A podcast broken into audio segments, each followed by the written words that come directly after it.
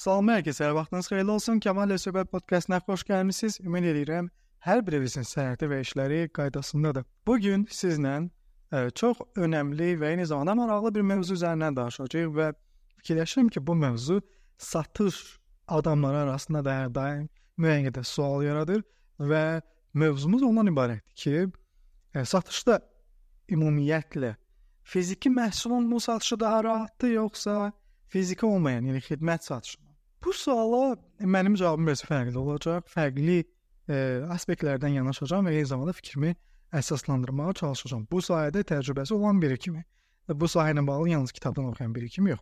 Çox yanlış yanaşma var satış adamlarının arasında. Məsələn, biri deyir ki, e, tutaq ki, şərt olaraq deyirəm ki, bəs e, telefon satışı daha rahatdır. E, mən orada daha yaxşı olaram yəqin ki. Biri gəlir deyir ki, xidmət satışı tamamilə fərqlidir. Oranın qaydaları fərqlidir. Orda mən daha yaxşı olaram. Və sərəvəl axı birinci yanaşmada nəyə nə yanlışdır? Baxın, satdığınız məhsuldan asılı olmayaraq nə satırsınızsa satın, fərqi yoxdur. E, satışın strukturu dəyişmir. Oyunun qaydaları dəyişmir. Sadəcə olaraq məhsula görə istifadə etdiyimiz söz və cümləni eyni zamanda səs tonumuzu dəyişirik. Yanaşma dəyişə bilər, amma və lakin qayda dəyişmir heç vaxt. Yəni mən istəmirəm siz fikirləşəsiniz ki, qələm satışı tamam fərqli bir şeydir. E, təlim satışı tamam fərqli bir şeydir. Bu cür yanaşan insanlar da heç vaxt uğurlu olmurlar və onlar fikirləşirlər ki, bu iki satış şərti olaraq deyirəm, tamam fərqli-fərqli satışlardır. Xeyr. Eyni satışdır, yəni split olaraq eynidir, sadəcə olaraq içərik baxımından ola bilsin ki, söz və ifadələr fərqli ola bilər. Yəni bir dəfə mən mən bilmirəm bu sizinlə paylaşmışam ya yox, amma e, mentorluq elədiyim bir gənc var idi və onların bir ailə biznesi var idi. Şifre satırlar. E, adam bir dəfə mənim ofisimə gəlmişdi. Mən sonra onun ofisinə, onun mağazasına getdim ki, tam olaraq müşahidə edim görüm harda nə boşluqlar var, necə yardımcı ola bilərəm.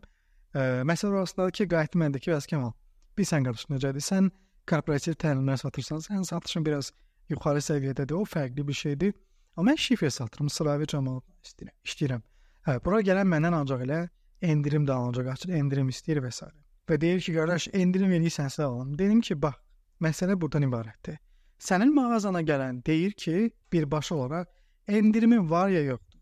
Mənim korporativ təlim satdığım şirkət mənə deyir ki, Kamal bəy, sizinlə olan uzun müddətli əməkdaşlığımızı nəzərə alaraqdan qiymətli hər hansı bir güzəşt eləsəniz, sizə minnətdar oluram. Yəni ikisi də sonda endirim istəyir. Sadəcə olaraq birinin demə tərzi, çatdırma tərzi, üslubu və səs tonu digərindən fərqlənir. Məntiq etibarilə ikisi də endirim istəyir. Məntiq etibarilə biz istənilən müştərilə razılaşmalıyıq. İkinci məsələ ondan ibarətdir ki, bu sualın cavabı daha çox satış adamının özünə asılıdır. Yəni ki, e, məsəl üçün mənim üçün deyək ki, şəxsən mənə görə xidmət satışı mənə daha rahatdır. Nəyə görə? Çünki mən E, biraz ünsiyyəti, biraz hekayələşdirməni, sual-cavabı çox sevirəm deyə e, xidmət satışı ilə bağlı e, mən özümdə limit görmürəm. Amma fiziki məhsul, məsəl üçün indi bir dəqiqə əlimdə qələm var da, qələmin satışı ilə bağlı mən nə qədər hekayə qura bilərəm axı və yaxud da qələmlə bağlı qura biləcəyim hekayələrin sayı ilə və yaxud da hekayənin həcmi ilə xidmətlə bağlı quracağım hekayənin həcmi eyni deyil. Xidmətdə daha çoxdur və daha yaxşı izah edə bilərəm. Axıcı səslənirəm, səs tonunu oynayıram, amma mənim özümdə mən bunu fiziki məhsulda eləsəm, fiziki məhsul biraz məni limitləyir. Qaydalar dəyişmir, sadəcə olaraq limitlənirəm və mən limitlənməyi xoşlamıram. Ona görə də bəzi insanlar var ki, məsəl üçün deyir ki, mən fiziki məhsul satmaqda daha uğurluyam. Çünki onun üçün hekayələşdirməkdir, çox sual cavab verməkdir, o qədər də əhəmiyyət kəsb eləmir və ya da ona uyğun deyil, xarakterinə uyğun deyil. Ümumilikdə sadəcə olaraq satış fiziki və ya da xidmət satışında eyni şeydir, skelet eynidir. Sadəcə olaraq bəzilərimiz xarakterimizdən dolayı ilə ola bilsin ki, xidmət satışında yaxşıyıq, bəzilərimiz isə fiziki məhsulda yaxşıyıq. Karyerasına yeni başlayan insanlara isə tövsiyəm ona ibarətdir ki, hər ikisinin satışı ilə məşğul olmağa çalışsınlar, özlərini yoxlasınlar, baxsınlar, görsünlər. Məsəl üçün hansında daha yaxşıyam mən? Çünki mən fiziki məhsulda satmışam haçansa və mənim gəlirim o qədər çox olmayıb, amma Mən xidmət satışı eləyəndə mənim gəlirim e, fiziki ilə müqayisədə 5-6 qat daha yuxarı olar və mən anlamışam ki, mənim xidmət satışında daha yaxşıyam və sizə də tövsiyəm ondan ibarətdir ki, özünüzü fərqli məhsulların satışında yoxlayasınız və özünüzü tapasınız. Nə badə ki, birinə sadiq qalasınız, özünüzü digərində yoxlamadan və e, biraz tənbəllik çəkəsiniz, komfortdan çıxmamağa çalışırsınız. Bunu eləməyin heç vaxtı fərqli e, məhsulların satışında özünüzü yoxlayın. Ən azından sizdə bir ideya formalaşacaq, biləcəksiniz ki, nə nədir və ən əsası da heç vaxt beyninizdə o sual olmayacaq ki, görəm mən özümü niyə görə fiziki məhsul və ya da xidmətin satışında yoxlamadım?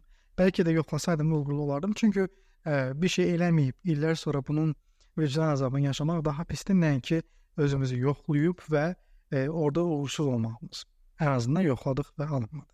Çox sağ olun məni dinlədiyiniz üçün ümid edirəm ki, bu mövzu sizin üçün mənim danışdığım nüanslar sizə çox faydalı oldu. Sonda isə sualımı cavablamaq unutmayın. Mənə də maraqlıdır. Siz hansı məhsulun satışında daha yaxşısınız? Xidmət yoxsa fiziki məhsul? Çox sağ olun zamanınız üçün. Özünüzü qoruyun. Hələlik.